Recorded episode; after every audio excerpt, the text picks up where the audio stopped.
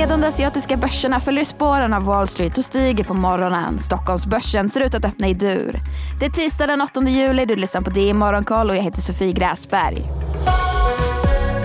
Ja, det är breda uppgångar i Asien. Störst rörelse är det i Hongkong där flera av halvledarbolagen och teknikjättarna agerar draglok. Men Tokyobörsen rör sig mestadels i sile med en lutning över nollan. Och i Tokyo tappar BioArctis partnerbolag ISA ytterligare 4 där har chefen för Alzheimers läkemedelslanseringen en vecka efter FDA-godkännandet lämnat bolaget efter 17 år och ersätts av vdns son. Och det var munter när de amerikanska börserna stängde igår. Där stod Facebooks moderbolag Meta för en uppgång efter att bolagets Twitter-utmanare med 100 miljoner nya användare gått om ChatGPT som den snabbast växande plattformen. Sämre såg det ut för techbolagen Amazon, Microsoft, Tesla och Apple som istället backade 1-2 Rusade gjorde däremot elbilstillverkaren Fisker efter bolaget meddelat att man planerar att utöka produktionen.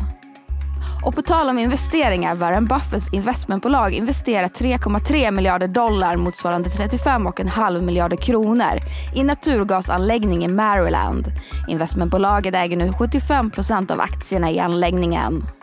Och så till lite hökaktiga uttalanden. Fed-cheferna i Cleveland, San Francisco och Feds vicechef ser alla signaler på fler höjningar.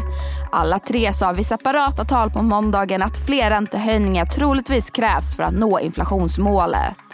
Något mer duvaktig är Fed-chefen i Atlanta som säger att Fed kan agera tålmodigt inför kommande räntebesked då den ekonomiska aktiviteten redan har bromsat in av det nuvarande restriktiva ränteläget.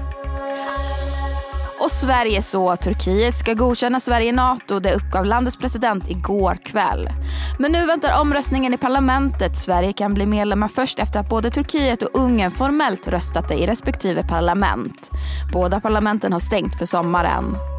Och senare idag rapporterar investmentbolaget Kinnevik. Investmentbolagets aktie backar 2% i år så vi får se hur rapporten ser ut. Och bolagets VD gästar DTV under förmiddagen så missa inte det.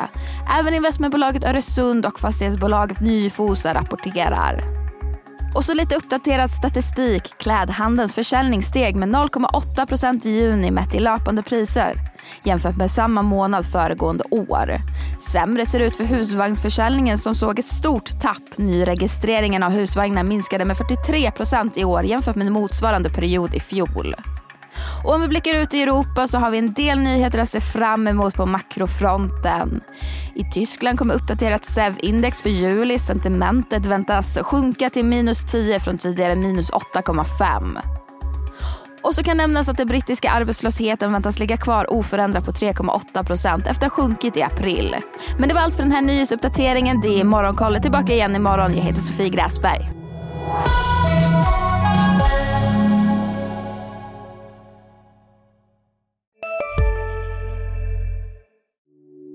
Hej, Ulf Kristersson här. På många sätt är det en mörk tid vi lever i. Men nu tar vi ett stort steg för att göra Sverige till en tryggare och säkrare plats. Sverige är nu medlem i Nato. En för alla, alla för en. Vi är specialister på det vi gör, precis som du.